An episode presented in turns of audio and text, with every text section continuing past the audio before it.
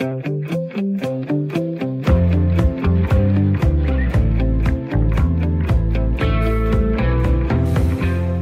er godt gang i de danske virksomheder for tiden, men det er ikke alle, der kan få de hænder, de har brug for, og det kan betyde, at de må sige nej til nye ordre. Manglen på arbejdskraft er nu så udbredt i flere brancher, at lønningerne bliver sendt i vejret, og det kan gå hen og blive et problem, lyder det fra Dansk Arbejdsgiverforening, som netop har offentliggjort nye løntal. Men hvordan skaffer vi den arbejdskraft, der er brug for? Både nu og her, men også på længere sigt. Det får vi et bud på fra nogle af dem, der kender erhvervslivet bedst, nemlig dem, der selv er i det, og derfor kender det fra. Du lytter til Selskabet på Radio 4-programmet, hvor vi analyserer og debatterer ugens store erhvervshistorier. Jeg hedder Stine Lynghardt, og jeg er vært på Selskabet, og i dag er jeg alene på værtsposten, men jeg er heldigvis ikke alene i studiet. Faktisk har jeg tre gæster i panelet i dag. Det er Laura Lindahl, direktør i Dansk Facility Management og medlem af kommunalbestyrelsen på Frederiksberg for Konservativ. Hej Laura. Hej. Og Henrik Stenmann, stifter og administrerende direktør i det digitale brug IIH Nordic. Velkommen til dig også. Jo, tak. Og så er Joachim Sperling her, direktør i Erhvervslivets Tænketank, Axel Future. Hej Joachim. Hej. Velkommen til jer alle tre. Før vi tager hul på dagens emner, vil jeg gerne vende et par af ugens nyhedsoverskrifter med jer. Og når man bladrer igennem aviserne, er det selvfølgelig situationen i Afghanistan, som fylder rigtig meget. Men her i programmet kigger vi jo specifikt på erhvervsnyhederne. Lad os starte med at runde udnævnelsen af to nye ministre. Ane Halsbo Jørgensen er ny kultur- og kirkeminister efter Joy Mogensen, som jo har besluttet sig for at forlade politik. Lad os lige høre et klip fra, da statsminister Mette Frederiksen præsenterede sin nye kultur- og kirkeminister. Der bliver nogle vigtige øh, nedslagspunkter i den kommende tid. Her vil jeg bare dvæle ved enkelte udvalgte. Vi har behov for en ny aftale på medieområdet. Øh, vi skal arbejde videre med øh, tech-giganterne og alle de problemer, der eksempelvis er omkring sociale medier og den efterhånden alt for hårde tone også der. Og så er der ingen tvivl om, at det har været svært for dansk kunst og kultur at komme igennem en coronakrise. Ane Halsbo Jørgensens tidligere post som uddannelses- og forskningsminister overtages af Socialdemokratiets politiske ordfører Jesper Petersen. Om den post sagde statsministeren sådan her. Vi har sat et uhyre højt ambitionsmål i Danmark med at skulle reducere vores udledninger med 70 procent i 2030. Og for at vi kan nå det, så har vi behov for verdens bedst uddannede befolkning og arbejdskraft. Og vi har behov for, at forskning hænger meget, meget nøje sammen med vores klimaindsats. Så det er i hvert fald en meget, meget vigtig opgave. Ja, det var altså statsministerens ord, men hvad bliver de to nye ministres vigtigste opgave set med jeres skarpe erhvervsøjne? Skal vi starte hos dig, Joachim? Jamen, jeg tror, hvis vi starter med det sidste, så er det rigtigt, at der skal være mere fokus på forskningen. Det har Ane Halsbo ikke så meget haft. Hun har haft mere fokus på det her med udkants Danmark og udflytning af uddannelser osv., som har det der lidt mere folkelige præg. Og øh, det, jeg forstår på vandrørene, er, at øh, altså, den forskningsmæssige side den, øh, den trænger måske til et eftersyn, og der er Jesper Petersen måske lidt bedre egnet. Øhm, så det, Hvorfor tænker du det? Han, han, han er måske bare mere øh, interesseret i det, som jeg forstår det. Så jeg har ikke sådan andet at bygge det på, end det, jeg har hørt øh, forløbet, som er, at, øh, at øh, Anne Halsbo ikke var så optaget af det forskningsmæssige, som, øh, som Jesper Petersen må, måske kunne tænke sig at være. Men ellers må man sige, for erhvervslivet har ingen af de to udnævnelser jo sådan en kæmpe stor betydning. Nej, der er jo også et erhvervsliv inden for kulturlivet. Der er også et erhvervsliv inden for kulturlivet, men altså, jeg synes jo, kritikken af Joy Mogensen har været utrolig hård. Og øhm, den har også været på en sådan måde, hvor man må sige, jamen hvis du havde haft en anden minister, så kunne den minister måske have været lidt sødere og lidt mere betænksom, men det havde jo ikke ændret bundlinjen. Resultatet havde været det samme. Meget lange nedlukninger af kulturlivet så ved jeg godt, der er nogle detaljer omkring øh, kirke, hvor mange der må være i kirkerne, og, og øh, Superliga-fodbold og sådan noget. Og øh, det kunne måske have været en lille smule anderledes, men jeg tror ikke på, hvilken som minister, der havde været, at det havde været markant anderledes øh, re- reelt. Så det er udelukkende et spørgsmål om, hvad det er for en tone, hvordan, hvordan man møder de her mennesker i kulturlivet, hvor Joy Mogensen helt åbenlyst ikke var på samme side som dem. Hvad tænker du, Henrik? Hvad bliver de to nye ministres nye vigtigste opgaver? Altså, der er ingen tvivl om, øh, hvis vi tager fra Joy Mogensen, øh, bare for lige at runde, runde den af også, altså set fra, fra min, mit ståsted, der, der synes jeg, at, at øh, kulturlivet har, har lidt hårdt under her corona, og, og egentlig måske, øh, som det er helt rigtigt, at man kan sige, hun kunne måske godt have været lidt mere flink. Øh, vi kan diskutere, om bundlinjen havde været meget anderledes, men, men, det, men det her, hvor jeg egentlig synes, der kunne man godt have gjort øh, væsentligt mere. Når vi så kigger på øh, de, de udnævnelser, der, der har været, så deler jeg faktisk også den opfattelse, at øh, vi trænger til at, at kigge forskningen efter, og jeg synes også, det, det er bare præg af, da, da de begyndte at lave udflytninger, der var det tydeligt, at man ikke havde talt med rektorer og andet, og de kom sådan meget på, på bagkant. Øh, og det, det vidner jo om, at man ikke kommunikerer, øh, man bare moser igennem. Man var for eksempel slet ikke klar over, at mange uddannelserne, øh, de er ikke som øh, sådan helt isoleret. Der er man øh, forskellige forsk, øh, professorer og andet, der er, og forskellige områder, der, der til sammen giver et fag. Og det kan man altså ikke bare lige flytte til, til Varde eller til, til Svendborg eller nogle andre steder. Der, og der synes jeg, man måske mangler lidt at lytte til, hvad er der egentlig er behov for. Og jeg tror også, at den nye kulturminister, vi har fået nu, øh, der er allerede blevet skrevet om, hun interesserer sig også mere for opera og så videre. Og der, der tror jeg, det er vigtigt, at en kulturminister fagner bredt, så det ikke kun er sporten eller, øh, eller kun øh, kulturlivet som musik og andet. Øh, men men der, der tror jeg, vi får en, der øh, rent udsagt performer bedre end øh, Joy Monsen har ikke, synes jeg, været så heldig med, med, med alle sine ting. Hvad siger du, Laura? Jeg synes, det, der er interessant ved øh, Joy Mogensen, er jo også, fordi det kommer i lyset af en Tom Jalers, der lige har tjekket ud af Folketinget. Og jeg tror, øh, jeg tror personligt, at, øh, at Joys valg også øh, i høj grad er influeret af den måde, der er kommunikeret til hende, om hende på. Det er et altså, fuldstændig umenneskeligt miljø at arbejde i, og, øh, og det, er der ingen, det er der ingen mennesker, der kan holde ud, og det er der ingen mennesker, der vil bruge deres liv på. Og når vi så i lyset af, af Tom Jalers, der også træder ud, fordi han siger, der er for meget spil, der er for meget spin, det er for tungt, øh, vi kan ikke udrette noget, jeg går tilbage til erhvervslivet jamen så bliver jeg jo nervøs for, at der, der simpelthen bliver for store grøfter mellem det politiske øh, og erhvervslivet, fordi de to parter skal spille sammen og skal udrette noget i fællesskab. Og, øh, og hvis erhvervsprofiler flygter fra politik og ikke har lyst til at træde ind i det, og Joy Monsen kom jo også udefra, skal vi huske, og træder ind på Christiansborg. Hvis vi ender med, at Christiansborg bliver et sted, hvor man kun kan holde ud at være, hvis man er opvokset i et benhårdt ungdomspolitisk miljø, så frygter jeg øh, politikudviklingen i fremtiden. Så jeg tror, at både Joy Monsen og Tom Jalers, det er altså noget, vi skal tage rigtig alvorligt og, og få kigget på, hvordan er det egentlig, vi behandler politikerne? Hvordan er det at gå ind i det politiske maskinrum? Men måske også, at politikerne skal kigge sig selv i øjnene og sige, hvordan er det, vi vil indrette det politiske rum øh, på Christiansborg, så vi kan tiltrække øh, nogle profiler, nogen, der ved noget om det. Vi har jo også en regering, som har minimal erhvervserfaring, og det tror jeg er et problem, og jeg tror ikke, det bliver bedre, øh, hvis tonen ikke bliver taget op til revurdering. Så jeg synes, det er alvorligt, at, øh, at Joy Mogensen også også vælger at, øh, at træde ud. Hvordan tænker du, at man kunne tiltrække nogen, som ikke er flasket op på Christiansborg? Jamen, det er jo i hvert fald noget med de tunge processer, som Christian, eller som Tom Jalers peger på. Øh, de er meget tunge. Øh, det skal man måske kigge i sømne. Men også det her med spillet og spindet. At man øh, vælger løsninger, fordi man er mere optaget af, hvordan vælgerne de, øh, de tager det ned, end hvad der er det rigtige for Danmark. Øh, jeg tror ikke på, at man kan tiltrække øh, stærke profiler, hvis det er sådan, man driver sit parti. Så det er jo i virkeligheden en opfordring til de politiske ledere fra, øh, fra partierne om at, øh, at tage den her øh, situation alvorligt. Vi skal også lige runde et par af ugens øvrige erhvervsnyheder. Hvad har du bidt mærke i, Henrik?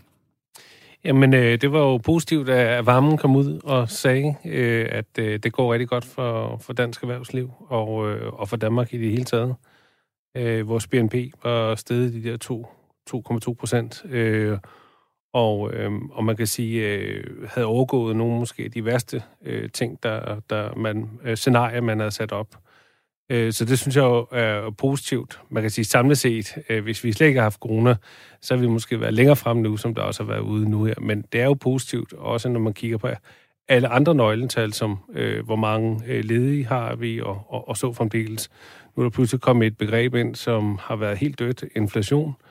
Øh, og det tror jeg, vi kommer til at, at, at møde meget her, her i efteråret. Så jeg synes, det er positivt, at, øh, og, og, og, øh, at der, der er positive signaler på, på baggrund af corona. Det går godt for dansk økonomi. Joachim, hvad har du bidt mærke i? Øh, jeg har bidt mærke i, at øh, Jyske Bank har fået Lars Mørk ind i direktionen, og øh, det er jo sket lige her nu. Og øh, det er en spændende nyhed, fordi at Anders Dam er 65 år gammel, og øh, der skal jo være en ny direktør i Jyske Bank på et eller andet tidspunkt, og man har måske haft svært ved at se, hvem kronprinsen var. Nu ved vi muligvis, hvem det er. Lars Mørk, som jo kommer fra Danske Bank, men jo har været på udskiftningsbænken et stykke tid på grund af den her ulyksalige øh, Danske Bank-sag med, med alle de her øh, papirer, øh, som de ikke vidste, hvad, hvad betød på russisk, og derfor så kom der en masse problemer med, med nogle øh, sager, som vi ikke skal trampe for meget rundt i, som også påvirkede Lars Mørk. Og øh, han har så åbenbart kunne accepteres nu i en anden bank, fordi du lige skal overstå sådan en periode, hvor man ligesom er enige om, at nu, nu er det okay, nu kan du godt komme tilbage. Og det tror jeg egentlig er fint, fordi han sikkert, jeg kender ham ikke, men jeg er sikker på, at han er super dygtig, og der er øh, muligvis øh, en, en aftager til en af landets største banker. Og hvad med dig, Laura? Hvad har fanget din interesse? Jamen, jeg synes, det er interessant at læse, at både Facebook og Google, de stiller vaccinekrav til deres medarbejdere. Og øh, jeg synes, at, øh, at det bliver interessant at se, om det bliver øh, noget, som mange virksomheder tager til sig at stille øh, krav om, at man skal være vaccineret. Og jeg synes også, det kaster nogle etiske dilemmaer af sig. Hvor langt øh, må virksomheder gå ind i privatlivet? Hvad, hvad må man øh, kræve af sine medarbejdere? Og så er det klart, nogle virksomheder, Facebook og Google, de har nok relativt nemt ved at tiltrække dygtige arbejds, øh, arbejdskraft, fordi det er spændende steder at arbejde. Det er kæmpe tech-giganter i rivende udvikling, så de kan stille rigtig mange krav. Men hvornår går de for langt? Hvornår begynder vi at synes, at, øh, at, at, at de træder for langt ind i den private sfære? Så jeg synes, det er interessant, og jeg synes, det er interessant at se, hvem, hvem følger i halen på det, og hvad bliver øh, de sådan etiske diskussioner på den baggrund. Hvad tænker du selv, grænsen er? Jamen, jeg synes, det er, jeg synes, det er øh, en grænse at sige, at man skal være coronavaccineret, fordi hvad er det så for nogle andre vacciner, man også skal kræve? Øhm, og hvordan vil man tjekke det, og hvordan vil man sanktionere, øh, hvis medarbejdere så ikke øh, ønsker det? Øh, afskeder man dem så? Og det er man jo nødt til at være ret konsekvent ved.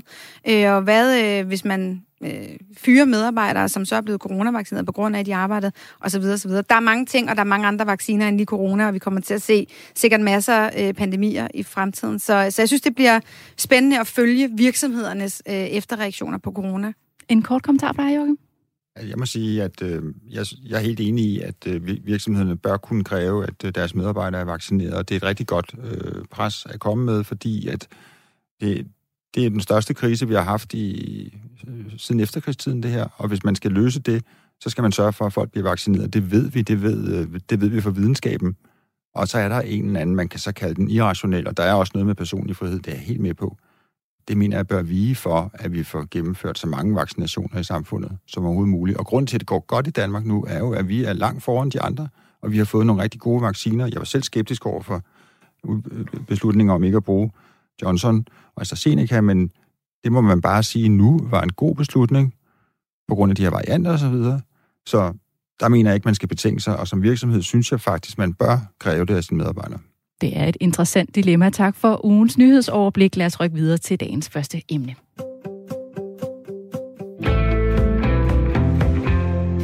Virksomheder må takke nej til nye ordre, ledige stillinger slås op uden at blive besat, og nuværende medarbejdere må arbejde over for at følge med. Manglen på arbejdskraft er udbredt i flere brancher, og det sender lønningerne i vejret, viser tal fra årets andet kvartal, som Dansk Arbejdsgiverforening netop har offentliggjort. Alene i bygge- og anlægsbranchen er lønningerne steget med 4 procent siden sidste år, skriver Berlingske. Men også servicebranchen, industrien og IT-branchen spejder efter ledige hænder. Og det er altså ikke kun de tusindvis af unge, der har arbejdet som podere, der mangler. Det er i høj grad også faglærte virksomhederne efterspørger. Hvordan øh, oplever I den her mangel på arbejdskraft, se fra den stol, I sidder på? Hvad siger du, Laura? Jamen helt konkret, så, øh, så er det jo et kæmpe problem. Øh, jeg sidder i en forening for øh, facility management. Der er rengøringsvirksomheder, og de kan overhovedet ikke få arbejdskraft. En tag en virksomhed som Happy Helper, en relativt ung virksomhed, som tidligt blev børsnoteret, som er en platformsøkonomi. De har i halvandet år ikke haft kunder fordi at folk arbejder hjemme, og når folk arbejder hjemme, vil de øh, ikke have rengøring øh, i hjemmet. Så klarer de det selv. Så de har i halvandet år ikke haft en efterspørgsel. Nu er folk tilbage på arbejdspladsen, så nu har de en kæmpe øh, efterspørgsel, men de kan ikke finde arbejdskraft. Og det er jo en katastrofe øh, for en virksomhed, der står og har en efterspørgsel, men ikke kan levere den, fordi vi ikke øh, kan, kan skaffe arbejdskraft Hvad gør man i Danmark. Så? Jamen, det er jo politiske tiltag, der skal til, og det er jo sådan helt klassiske øh, arbejdsmarkedsreformer, der øger arbejdsudbuddet. Og det er klart, at vi begynder at tale nu om øh, dimittentsatsen. Altså skal vi betale øh, nyuddannede ledige øh, en høj dagpengesats, eller skal vi kræve, at de øh, kommer i, øh, i arbejde med det samme? Og der kan man jo spørge, om har man krav på, når man har fået en, en statsfinansieret lang uddannelse, har man så krav på at få en dagpengesats, fordi man ikke lige kan finde drømmejobbet, når man bliver færdig. Der kunne det måske være fint, at man så tog et, øh, et hvilket som helst andet job i mellemtiden. Det er en lavt, lavt hængende frugt. Vi ved jo, at Eva Schmidt sidder og kigger på, kan vi gøre noget ved lavere sygefravær, men jo også ud at sige, det kommer ikke til at bære det alene. Vi er nødt til at have nogle, fat i nogle af de greb, vi kender, nogle af de greb, vi ved virker.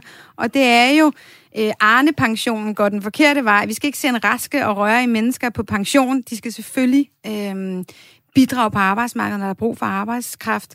Vi skal kigge på ja, dimittensatsen, vi skal kigge på efterlønnen, og så skal vi kigge på skattetrykket, for det er også et af de greb, som vi ved, vi kan skrue på, og så øh, øge øh, arbejdsudbuddet. Så det er helt klassiske øh, arbejdsudbudreformer, som øger øh, ja, arbejdsudbuddet, vi skal have fat i nu. Og det bliver spændende at se politisk, hvordan øh, man kommer til at turnere det til, øh, til efteråret i både finanslov og, og hvad der ellers skal være forhandlinger.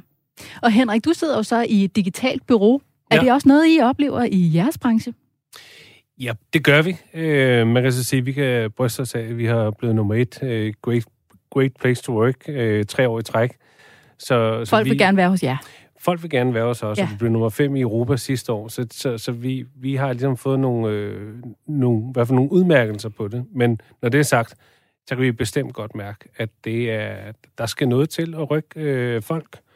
Øh, og det, og, så til det, er, det bliver, øh, hvis det ikke allerede er, så bliver det et, en stor udfordring. Øh, jeg kan sige, at hele vores analytics-afdeling, der har vi kun én dansker tilbage. Øh, øh, resten, det, det kommer fra, fra Tyskland og fra Spanien og fra, fra England og fra USA. Jeg tre amerikanere ansat. Øh, så, så på den måde, øh, og, og, og det, vi, det, det, det, det er vi bare nødt til at gøre, hvis vi vil have de bedste. Øh, så det har været konsekvensen for, for os, uden tvivl om det. Berlingske har lavet en rundspørg blandt øh, 150 topchefer, og hver femte svarer, at de inden for det seneste år har været nødt til at sige nej til nye ordre, fordi de mangler medarbejdere, og endnu flere forventer at sige nej det kommende år. Hvor stort et problem er det, Joachim? Altså, det er i kategorien happy trouble. Fordi det jo øh, afspejler jo, at det går fantastisk for virksomhederne, så der er simpelthen øh, brug for flere, end de lige kan skaffe. Jeg er helt enig med Laura, at øh, man kan kigge på den her dimittensats. Det er jo et øh, forslag fra Jakob Ellemann, som jo har vagt en del politisk debat. Øh, det er jo ikke en ny idé, men den havde godt af at komme frem igen nu her, hvor vi står i den her situation, fordi sidst jeg så efter, så er der vel 15-20.000 på dimittensats løbende, og det er der jo blandt andet, fordi man har uddannet for mange akademikere over en lang periode, hvor en del af dem har meget svært ved at finde job, fordi de simpelthen ikke har været tilstrækkeligt erhvervsrettet. Så den del skal man jo også se på, Øh, og det er man allerede i gang med at, at få, få folk derover, hvor der måske også er øh, nogle jobs bagefter. Fordi det er jo alt for mange, vi går og, og giver først en lang uddannelse, og så bliver de ledige. Det er jo helt vanvittigt. Så, så, så, men den udenlandske arbejdskraft er også interessant, fordi den har faktisk udgjort sådan en 7 procent af den samlede, af, det samlede, af den samlede øh, mængde arbejdstimer i Danmark. Øh, det gjorde den før coronakrisen. Hvad, hvad tallet er lige nu, kan jeg faktisk ikke svare på. Men der er ingen tvivl om, at udenlandsk arbejdskraft har været med til at dæmpe inflationen i Danmark, fordi når du kan tiltrække folk fra andre lande, der kan komme med ikke alt for høje lønkrav, jamen så vil det jo lægge en dæmper på arbejdsmarkedet generelt, og det er jo en af grundene til, at vi har været så øh, forskånet for inflation i, i lang tid. Og nu begynder der at komme, og øh, det problematiske ved, at der kommer inflation, det er, når vi har meget lave renter. Altså centralbankerne, de pumper hele tiden øh, likviditet ud og holder derved gang i, i, i øh, aktiemarkedet og alt muligt andet. Men hvis der kommer høj inflation, så, øh, så, bliver, det, så bliver det problematisk øh, for dem. Øh, så renten øh, ja, kommer i hvert fald i spil på en, på en eller anden måde. Øh, og, men, og, Og hvad er det problemet af det her med, at lønnen nu også stiger? Altså det tænker man jo umiddelbart, jamen det er vel godt for mig og en motivationsfaktor for mig. Hvad er det problemet er med, at når lønnen stiger? Jamen altså, det, det, det, altså inflation, hvis det bare ligger på omkring 2%, er jo, er, jo, øh, er jo ikke et problem. Men det er jo et problem, hvis du pludselig ikke ved, hvad inflationen er næste år, og du, og der, og du kommer ind i sådan en spiral, hvor der kommer rigtig inflation. Fordi så, så, så, så skrider tingene. Og det har vi ikke haft i rigtig mange år. Det har vi, jeg tror, vi har nyttet rigtig godt af det. Så det er vi ikke interesseret i. Men det er klart, at nu har der været øh, råvaremangel, der har været mangel på alting. Du kan ikke få chips, altså chips til biler og fjernsyn og alt muligt. Øh, du kan godt få kartoffelchips. Ja, ikke dem med sour cream, men øh, øh, men, men hvad hedder det? Øh, så der er sådan nogle mangelsituationer rundt om, og fragtraterne er stedet helt vildt. Så selvfølgelig så skal priserne stige på alt mm. muligt nu. Det kommer de også til. Så så det er, det, er, det er selvfølgelig problematisk. Du markerer også på det her med lønningerne, Henrik. Jamen det er også bare for, jeg synes, det, det er vigtigt lige også at holde sig for øje for, at uh, rigtig mange virksomheder under corona, Øh, de enten fastfrøs lønning, eller uh, mange virksomheder gik ud og sagde, at vi øh, I ryger ned i løn. Øh, og, øh, og alt hvad der, altså lige da det var en, da det kom ud, så var der jo mange, der bare egentlig klamrer sig og var glade for, at de havde et job det viste sig så relativt sådan hurtigt, at, at, at det var ikke det, der var casen her. Det var en sundhedskrise. Og, øh, og derfor så, når vi taler om, at de her lønstigninger, der har været, øh, så er det simpelthen også et udtryk for, at der er nogen, der måske har forhandlet løn i 18 måneder. Mm. Øh, og at deraf øh, kan se, at, at man kommer ud med det ene gode øh, regnskab, og så siger, hey, øh, øh, nu vil jeg gerne øh, hvad det, have noget, måske noget mere løn. Og mobiliteten skal man også være klar over. Der er ikke så mange, der har lyst til at, øh, at skifte job sådan under corona, eller det, det er lidt sværere at komme ind på en arbejdsplads. Altså, vi har haft to opsigelser på 28 måneder. Øh, det er meget, meget let inden for vores øh, branche. Noget kan skyldes corona, øh, noget kan selvfølgelig også skyldes den arbejdsplads, øh, men, men der er ingen tvivl om, at der kommer en øget mobilitet nu. Det er jeg slet ikke i tvivl om. Der er jo rigtig mange unge, der har arbejdet som poder, og det er jo noget, der har været talt en del om. Nu er der jo så øh, på vej op mod øh, 7.000 unge poder, som bliver sendt ud på arbejdsmarkedet. Kan det hjælpe på noget af det her, Laura? Ja, men det kan det selvfølgelig godt, men, men 7, et øget arbejdsudbud på 7.000, det, øh, det gør ikke den store forskel. Øh, vi skal op i, øh, i, i mange flere, for at vi kan imødekomme den efterspørgsel, der er. Så selvfølgelig er det bedre end ingenting, men det er ikke noget, der kommer til at, at gøre den store forskel. Nej, for der er så også øh, alt det her med både faglærte og, og højt uddannet. Øh, det er jo noget, som man måske skal løse på lidt længere sigt, men hvordan kan man så løse problemet lige nu og her? Jamen lige nu her, der er det at, at, at rulle på nogle af de her greb, som, som vi kender, som dimittenssatsen og øh, skattetrykket og, og øh, efterlønnen og Arne-pension. De her politiske greb, man har. Og det er klart, på den lange bane kan man jo godt... Øh, der er også beløbsordningen, som jo er den, der afgør, mm. hvor, hvor, hvor nemt er det at tiltrække øh, udlandsk arbejdskraft. Øh, der har vi også en, en høj sats i Danmark. Du kan sådan set godt tiltrække øh, højtlønnede udlændinge, men du kan ikke tiltrække... Øh, øh, ufaglært udlændinge øh, på beløbsordningen, som det er i dag. Så der er helt klart nogle politiske greb, som, øh, som skal i spil her til efteråret.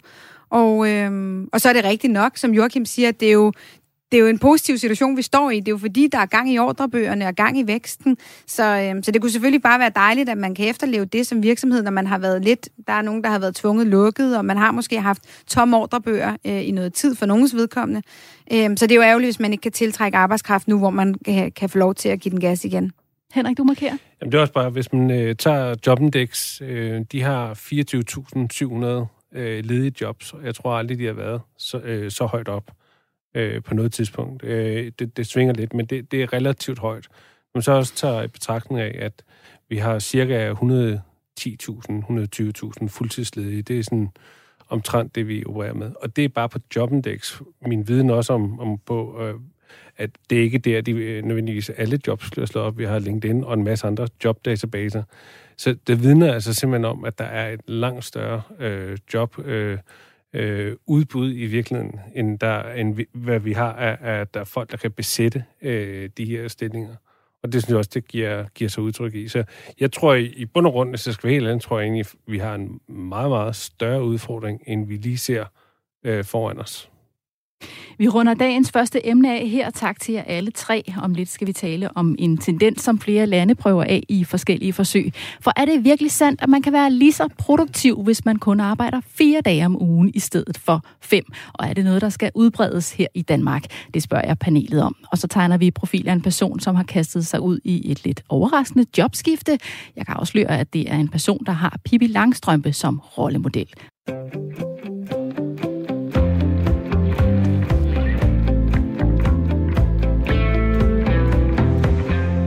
Du lytter til selskabet på Radio 4. Vi går i dybden med et par af ugens store erhvervshistorier og går tættere på nogle af de mennesker, der gør en forskel i dansk erhvervsliv. Jeg hedder Stine Lynghardt, og jeg er alene på værtspinden i dag. Til gengæld er jeg så heldig at have tre gæster i studiet. Det er Laura Lindahl, direktør i Dansk Facility Management og medlem af kommunalbestyrelsen på Frederiksberg for Konservative, og Henrik Stenmann, stifter og administrerende direktør i digitale bureau IIH Nordic, og Joachim Sperling, direktør i Erhvervslivets tænketank Axel Future. I flere lande arbejder man med ideen om en fire-dages arbejdsuge. Det gælder for eksempel i Spanien, New Zealand, Finland, Sverige og sågar i Japan, hvor de som så mange andre under coronapandemien har erfaret, at man godt kan indrette sit arbejdsliv på andre måder og stadig være lige så produktiv eller endda mere produktiv. Kort før sommerferien kunne Island fortælle om et succesfuldt forsøg, som har mundet ud i, at over 80 procent af befolkningen enten er gået ned i tid eller har fået retten til det. Og også her i Danmark bliver der lavet forsøg med en kortere arbejdsuge. Det gælder for eksempel i nogle kommuner og i flere private virksomheder. Og enhedslisten vil have flere forsøg. Partiet har meddelt, at det går ind i efterårets finanslovsforhandlinger med et krav om, at der skal afsættes 50 millioner kroner til et forsøg med en arbejdsuge på 30 timer. Og Henrik, det er jo helt oplagt at starte med dig her. For i dit firma IIH Nordic, I er et digitalt bureau, har I jo haft en fire dages arbejdsuge i flere år. Prøv lige først at fortælle, hvordan I har strikket det sammen. Jamen, øh, så simpelt som det overhovedet kan siges, om fredagen, der, der har vi fri. Øh, det skal dog siges, at øh, som vi altid bliver, vi har ikke lukket, så der er altid nogle brandvagter på, men om fredagen, der har man fri. Så vi er gået ned på en 30 timers øh, arbejdsuge, og det har vi gjort siden 2017, og vi har arbejdet med det siden 2014. Så det var lidt forud for vores tid, men øh, men har egentlig fået, fået det ind med succes nu. Og det er altså med samme løn, at øh, medarbejderne de arbejder 30 timer, som jeg har forstået? Det er med samme løn. Ja, og hvorfor var det, at I indførte det her? Jamen, det skyldtes øh, tre ting. Øh, den, den ene ting, det var, at øh, øh, vi stod over for en situation, hvor, apropos arbejdskraft, som vi lige har talt om, at det var svært at finde arbejdskraft. Og øh, i øvrigt, så var der rigtig mange headhunter, der prøvede at få fat i vores folk. Så vi vil gerne prøve at sige, hvordan kan vi lave en meget, meget attraktiv øh, arbejdsplads. Den anden ting, det var, at vi er et konsulenthus, og, øh, og der lyder det jo e- endnu mere tosset at gå ned til en fire-dages arbejdsuge, når man lever af selv tid, tid. Men vi vil gerne prøve at gøre op med den her rismarkkultur, hvor man øh, taler om i Kina eksempelvis, at jo, jo længere tid du er i rismarken, jo flere penge tjener du. Øh, men det gør, at man simpelthen øh, stopper med at innovere på at gøre tingene anderledes og, og mere smart. Og så den sidste ting, det var, at vi var alle i det her berømte hamsterhjul øh, med rødspringte øjne. Øh, ikke tid til at, at stoppe op og tænke os om. Øh, fordi vi vidste jo, at teknologien, den øh, bullerede af. Vi kunne se teknologiske løsninger, vi havde indført, sparede os for 20, 30, 40 procent arbejdstid. Øh, men hvordan kunne vi egentlig øh, give det tilbage til, til medarbejderne? Og det, har, det valgte vi så at gøre siden øh, øh, øh, 2017, øh, 1. Øh, februar 2017. Og hvad siger medarbejderne til det? Ja, der var altid begejstring i starten, og så blev det jo en vane, så nogle gange så må jeg nødt til lige at minde om. Øh, så nu kan de kun arbejde tre dage? nu kan de kun arbejde tre dage. Nej, altså det, øh, der, der, der er rigtig stor begejstring for det, og, øh, og det har også... Øh, altså det, det har helt klart udfordret os helt på, at vi har været igennem vores egen digital transformation, Øh, vi troede lidt naivt, at vi sagtens kunne øh, overbevise øh, Vestas og Danfoss og nogle af de andre kunder, vi har nede på procurement, at, at vi skulle have en højere timepris, eller vi skulle gøre det på en anden måde. Øh, det så viser, at vi, vi har været nødt til at ændre vores øh, forretningsmodel øh, øh, radikalt. For vi kan ikke leve af at sælge timer øh, af den årsag, vi arbejder øh, mindre. Så det, det har taget noget tid. Øh, det, det var en større opgave og det er også derfor, at jeg personligt også er, har været meget fan af en Marianne Dahl, som vi skal tale om lidt senere. Fordi uh, øh, at når alle taler om digital transformation, så bliver det altid noget med teknologi og, og innovation og udvikling og andet. Og det det, der ligger bunden hos mange, øh, det, er, det er mennesker. Og øh, det var en større opgave, end jeg måske lige havde forventet. Det er med, at vi skal forandre folk, for vi har radikalt ændret måden, vi arbejder på. Ja, kan du prøve lidt for, med, at fortælle lidt mere om, hvordan I har gjort det? Fordi det er vel ikke noget med, at man bare skærer den fredag fra, og så arbejder vi fuldstændig, som vi plejer. Hvad kræver det af en virksomhed at ændre det så radikalt? Altså først og fremmest, så kræver det jo virkelig at, at, at være meget bevidst om, hvordan vi bruger vores tid øh, i, i alle henseender. Øh, og jeg behøver bare at nævne øh, møder og, og mails. Øh, der er ikke nogen af os, der har lært at, at bruge mailen. Øh, vi bruger den på hver vores måde, øh, øh, og vi har brugt det over i 25 år. Øh, men, men det eneste, vi har opnået, det er at få flere mails. Så vi, vi har slet ikke stillet spørgsmålstegn ved, at nogen får 100-150 øh, mails om dagen. Og det næste, det er møder. Øh, en gennemsnitlig leder bruger 17 timer om ugen i møder. Øh, vi stiller ikke spørgsmålstegn, hvor lang tid møderne er, øh, hvem der deltager og andet. Alle kan referere til møder, da man tænker, det var fuldstændig spild af tid. Øh, og et møde er en time, øh, og, trods, og det er det, fordi Microsoft har sat det som en standard, og så er, vi bare, så er det bare det, vi kører efter. I folkeskolen ved de godt, at 45 minutter, det er det optimale. Så vi har for eksempel øh, ændret måden, vi, vi har, har møder på. Og så den sidste ting, og det er noget, vi har talt rigtig meget om, og som alle har bemærket under corona, vi bliver konstant forstyrret. Og øh, vi bliver endnu mere forstyrret af vores smartphone og, og, og, og at lære forstyrre. Og det gør vi også af vores kollegaer. Og pludselig har folk fundet ud af, oh, jeg nåede meget mere, jeg blev ikke forstyrret. Øh, så vi har også ændret, øh, når vi arbejder i nogle fokuszoner, i det, der hedder en Pomodoro-teknik, hvor man arbejder 25 minutter koncentreret og 5 minutters pause. Og der er nogle krav, vi stiller, at det er way of working. Og øh, det lyder meget nemt og meget simpelt, men tro mig, øh, det er forfra hver eneste gang, om, og det er lige meget om man er 25 år eller øh, 45, øh, så, så er det den samme proces, folk skal igennem, når de bliver ansat. Og har det været learning by doing, det her med, hvor langt et møde skal være, hvordan vi skal håndtere mails, eller, eller har I ligesom kunne kigge nogle steder hen for at se, hvad, hvad man egentlig skal gøre? Altså, det var det, man kunne have ønsket, at der var nogle andre, der havde skrevet en bog om fire dages arbejdsuge, også fordi det blev, det blev meget misforstået. Øh, og det var nemlig learning by doing. Øh, og, øh, og, og igen, hvis nogen fra IH skulle høre, at jeg er i radioen, så vil jeg meget gerne sige undskyld for alle de mange forandringer, jeg har udsat jer for. Men det har været det, det, har været det hele værre. Øh, og, og også det årsagen til, at for nogle år siden øh, øh, udgav vi en bog om, hvad alle de ting, vi faktisk har gjort, for, så andre ikke behøver at lave de samme øh, krumspring og prøve af. Men her havde ligesom noget, der vi kunne se, der virkede. Og jeg skal også lige høre, hvad siger tallene på bundlinjen? Kan det betale sig? Det kan det, øh, men det har været, jeg vil sige, det har været en længere rejse end, end, end som så. Øh, og, og vi har også været nødt til at, at ændre meget øh, undervejs. Så, så ja, det kan det, men jeg tror naivt, øh, øh, så man må ikke være for naiv, når man går til den her opgave. Det, det kræver faktisk øh, en stor dedikation og, og en stor viden om change management. Øh, så ja, det kan det betale sig. Øh, men, men, øh, men jeg vil tænke mig rigtig godt om, næste gang jeg gjorde det. Laura, hvad siger du til enhedslistens forslag om at sætte penge til et forsøg, til, til da, et forsøg her i Danmark? Ja, nej, altså, øhm, der er ikke nogen tvivl om, at øh, dagsordenen om en fire-dages arbejdsuge var oppe øh, første gang, øh, hvor jeg i hvert fald blev bekendt med den for nogle år siden. Øh, og så blev den jo på en eller anden måde hijacket af corona, og vi alle sammen blev sendt hjem øh, og har arbejdet hjemme. Øh, fordi jeg tror jo, at det er fuldstændig rigtigt, at da man begyndte at tale om fire dages arbejdsuge, var det jo fordi, der var behov for noget fleksibilitet, og, øh, og også det her hamsterhjul, I var i. Men, men jeg er ikke sikker på, altså det jeg synes, vi mangler, når vi taler om en fire dages arbejdsuge, det er en definition. Hvad er det, vi taler om? Mm. Er det, at vi skal nå de samme opgaver på fire dage? Er det til samme løn? Er det, at vi skal være lige så produktive, eller skal vi bare arbejde 10 timer om dagen de fire andre dage, og så kan vi holde fri om fredagen? Jeg synes, jeg synes, jeg synes ikke, at vi har defineret den fire dages arbejdsuge, så jeg forstår, hvad det er. Øh, og, for...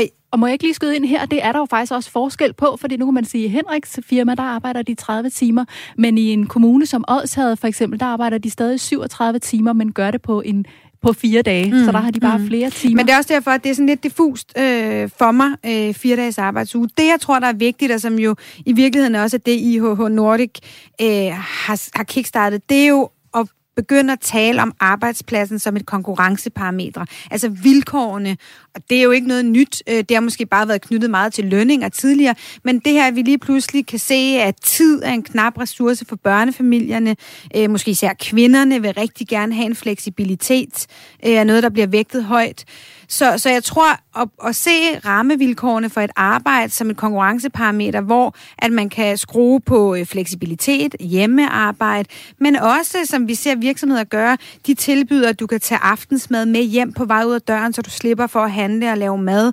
Øh, der er morgenmad, når du kommer ind. Der er alle mulige services det er jo det, der er det her fire dages arbejdsuge. For mig at se er et øh, symptom på, det er, at der er behov for øh, konkurrence for de gode, på de gode medarbejdere, og, øh, og at arbejdspladsen og de services, arbejdspladsen leverer, er et konkurrenceparameter øh, i den her war on talent.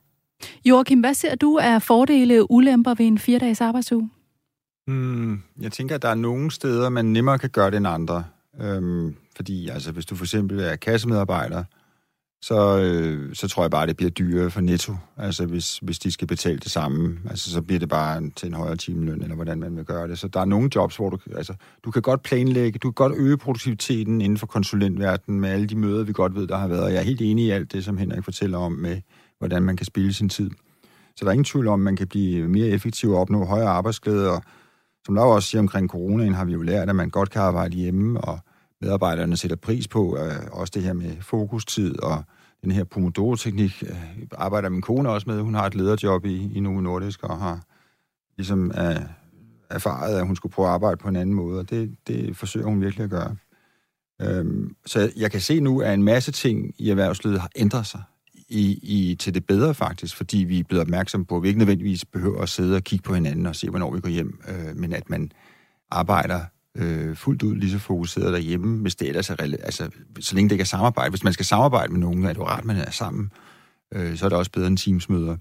Så, øh, så øh, man skal ligesom prøve at, at finde en model, som, som, øh, som afspejler virksomhedens behov, og som også passer den enkelte medarbejder. Men jeg tror ikke på enhedslistens forslag om at, at lave forsøg med det. Jeg, jeg tror, at virksomheden selv skal finde ud af det. Altså, hvis det, hvis det passer dem, så lad dem gøre det.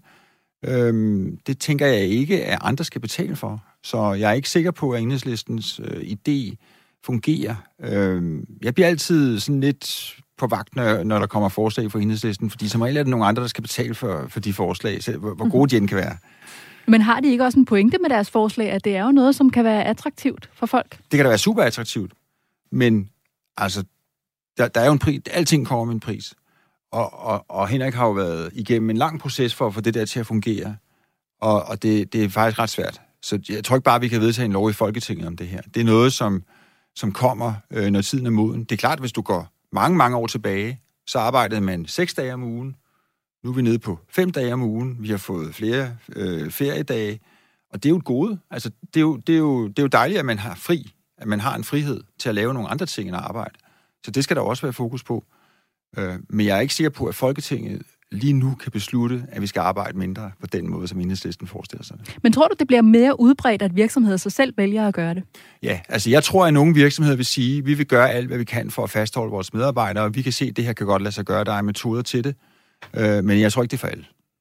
Hvad siger du, Laura? Og jeg tror heller ikke nødvendigvis på den fire dages arbejdsuge. Jeg tror, der er rigtig mange, der gerne vil have fleksibiliteten, men øh, jeg tror, der er rigtig mange også, når vi taler om øh, kvinder i ledelse, og vi gerne vil have flere kvinder til tops, så tror jeg faktisk, at der er flere, der vil øh, ønske, at man øh, de timer blev lagt ud på de fem dage, øh, sådan så man kunne gå tidligere øh, de fem dage, i stedet for øh, at knokle fire dage, og så have en. Det giver ikke følelsen af at komme ud af hamsterhjulet, fordi den kører du så bare benhårdt i de fire dage. Der tror jeg egentlig hellere, at man vil have fleksibiliteten, øh, inddrage en time om aftenen i ny og næ, når børnene sover, øh, men kunne prioritere at komme og hente dem øh, og være sammen med børnene i de gode timer.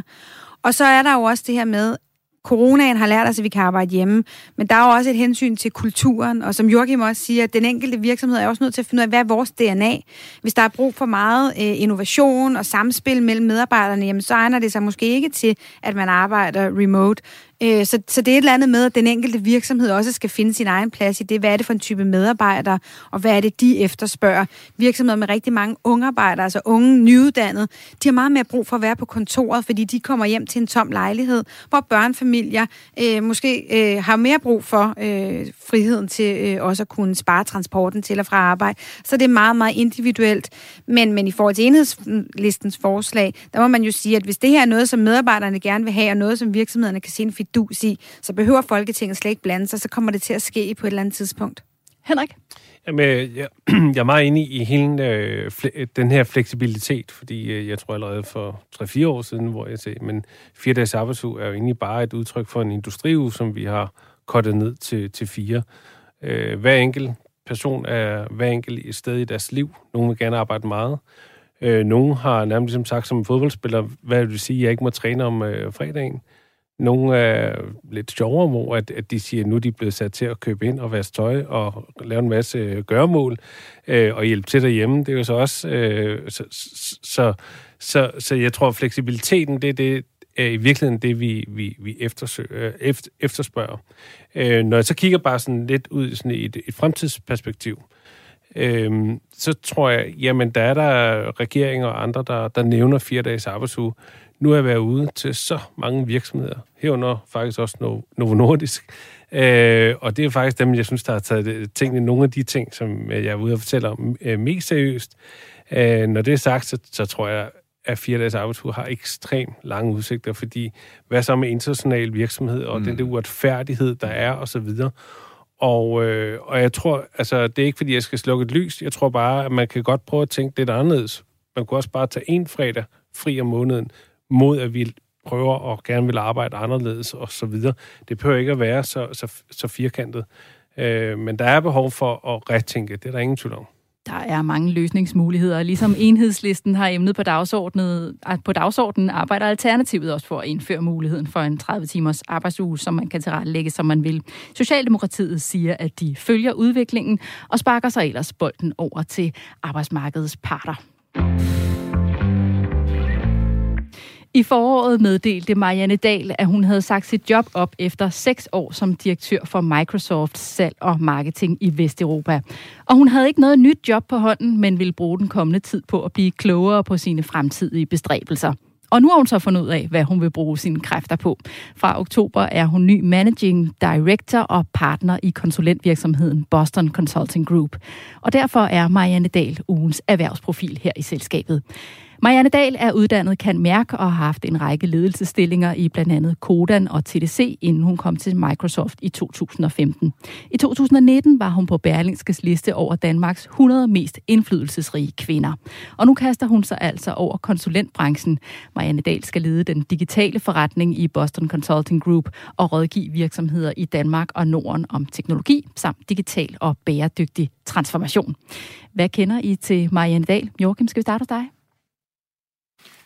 Jeg kender hende som en øh, utrolig dedikeret person, som har øh, øh, alle de egenskaber, der skal til, øh, tror jeg, til at begå sig i konsulentverdenen. Det er et meget usædvanligt skifte. Og det er det, fordi at øh, normalt øh, så vil øh, konsulenter, der bliver partnere i BCG eller McKinsey, de vil, de vil, de vil tage den lange rejse øh, fra start af og gå igennem et længere forløb.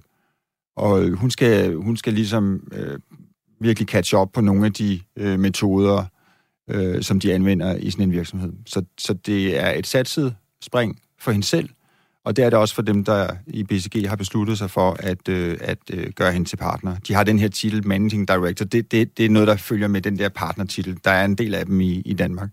Men det er selvfølgelig en, en stor stilling, et spændende job, med en masse perspektiver for hende. Hvad kender du til Marianne Dahl, Henrik? Jamen, øh, jeg vil sige, at øh, mandat har været utrolig inspirerende også for nogle af de ting, vi gerne øh, vil, vil arbejde med. Øh, og herunder den digitale transformation, som øh, rigtig mange har talt om. Og, og der synes jeg, det var interessant at, at, at få Marianne Dahls øh, point of view på det. Øh, fordi det, der lå i bunden, det var mennesker. At det var det, man ligesom øh, synes, der var mindst vigtigt i forhold til den her transformation, mere om teknologi og andet. Og øh, så derfor kommer det heller ikke bag på mig, at, øh, at det lige er Boston Consulting Group. Jeg er enig i, at det er et meget usædvanligt spring, og der er mange ting, der, der skal læres.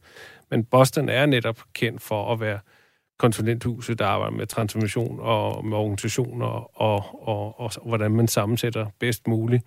Øh, og derfor er det et godt fedt. Og så en anden ting, øh, jeg, jeg synes, der er interessant ved, ved Marianne Dahl, det er, at hun, hun er ikke bleg for at være med til at prøve nye ting af øh, og være ambitiøs. Øh, jeg kan huske, at jeg refererede hende blandet rigtig meget til free sitting, øh, som man havde indført øh, med større eller mindre held i, i Microsoft. Og, øh, og, øh, og der skulle hun prøve at demonstrere, hvordan det fungerer, og ved at sætte sig ned på stuen, hvor er, er en anden direktør plejer at sidde. Og der troede alle så, at han var blevet fyret, og nu skulle hun til at, at overtage der. Uh, så hun sagde, at det var lidt op ad bakke at have med free sitting. Uh, men det får hun så nu i Boston, det er jeg ret sikker på. Det er de kendte for.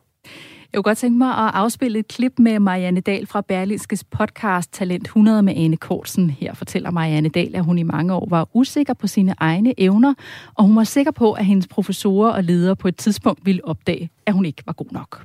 Jeg tror først, det har været hen, sådan, da jeg var midt i 30'erne, øh, at jeg begyndte sådan at tænke, hmm, jeg er faktisk en ret dygtig leder, og jeg er også en ret dygtig strateg, og de planer, som jeg er med til at lave, og de teams, jeg får sat, det fungerer faktisk ret godt. Hvad siger det her klip om Marianne Dahl, Laura? Jamen altså, hun slår jo mig som en øh, i virkeligheden en meget modig kvinde. Øh, hun har øh, jeg er overrasket over, at hun ikke har haft troen på sig selv, fordi de valg, hun har truffet i sit liv, fremstår hun som en, øh, en selvsikker kvinde, som tror på sig selv, ikke kun fordi hun laver nogle markante skift, altså fra branche til branche. Hun har været i flere forskellige brancher, øh, og det kræver noget mod, øh, fordi du kommer på udebane. Øh, så hun, hun slår mig som en, øh, som en kvinde, som, øh, som måske har følt sig øh, øh, usikker, men jo som øh, ikke har lavet det begrænse hende, øh, og som alligevel har kastet sig ud på dybt vand øh, og lykkedes med det, hun har gjort. Er det også noget, som andre kan bruge som inspiration i virkeligheden, når hun også har haft den her usikkerhed i sig selv? Jamen, jeg synes, det er vigtigt, at øh, i hele øh, ligestillingsdebatten, hvor vi taler om kvinder i ledelse, og hvor at nogle partier øh, rasler med sablen om øh, kvoter og alt muligt andet, så synes jeg jo, at det er vigtigt, at de kvinder, som har vist vejen, som faktisk, øh, som, som Marianne, har formået at have familie og i en ret ung alder, øh, ryge til tops på den måde, at man går ud og tør sige nogle af de her ting, for jeg tror faktisk, det er noget af det, der kan rykke aller, allermest i, øh, i de unge kvinder, øh, som står og skal træde ind på arbejdsmarkedet, at man fortæller, man må gerne have en usikkerhed på sig selv. Man, man kan sagtens få øh, børn og stadigvæk dyrke sin karriere. Det hele kan godt hænge sammen. Så jeg tror jo på, at rollemodeller øh, som hende er vejen frem i, i ligestillingen og flere kvinder til tops, øh, langt mere end, end kvoter og alle mulige andre øh, red, politiske redskaber. Så jeg synes, det er stærkt, hun gør det, og jeg vil ønske mange flere gjorde det, for jeg tror ikke, at det er unikt for Marianne øh, at være usikker på sig selv.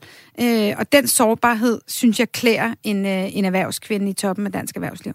Joachim, hvorfor tror du, hun har taget det her skifte fra et direktørjob til, en, til nu et job i konsulentbranchen, hvor hun selvfølgelig stadig har, har ledelsesansvar, men du nævner også selv, at det er noget andet, og det er et, et overraskende skifte? Jamen, jeg tror, hun har fået tilbud. Altså, det er jo ikke et job, hun har søgt, så hun har fået den henvendelse, og øh, BCG har kunne se, at, at hun øh, kunne være en dygtig repræsentant på et område, hvor at øh, de måske manglede en eller flere profiler, og så vil hun øh, være rigtig god, og så tager de den chance, og det gør de begge to, og det synes jeg er en enestående historie. Og så er jeg jo enig med, med Laura i, at øh, altså, det, det vidner om, det er jo, at hun tør vise den øh, sårbarhed, hun har, og den usikkerhed, som jeg tror rigtig mange mennesker har, inklusive mig selv. Men det er ikke så tit, man har lyst til at fortælle om det, og der giver hun af sig selv og er meget, meget ærlig. Og øh, ja, så på den måde, så, øhm, så, så er jeg også enig i, at hun er, hun er et lyspunkt i erhvervslivet, og et, øh, godt, en god rollemodel for, for mange kvinder og mænd. Marianne Dahl har første dag på sin nye arbejdsplads den 1. oktober.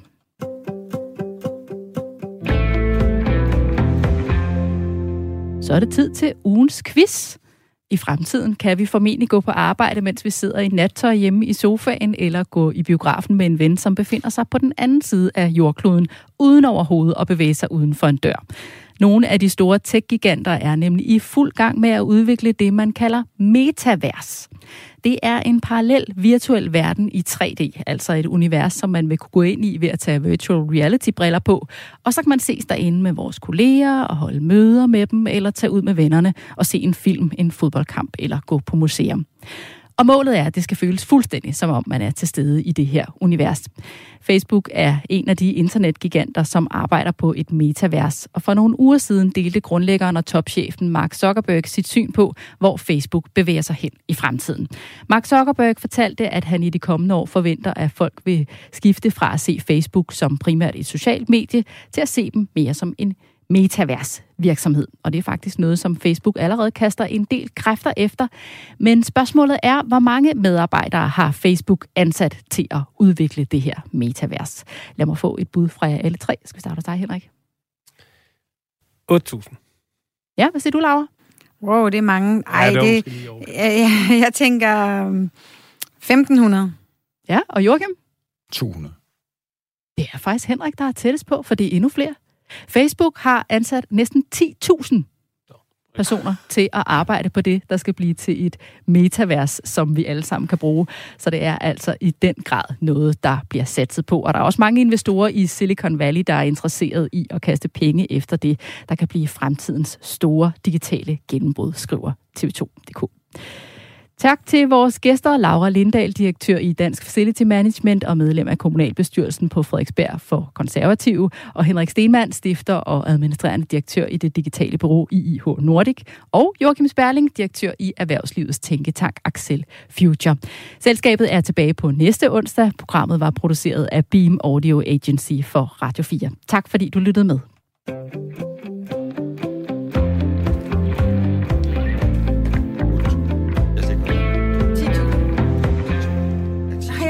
나는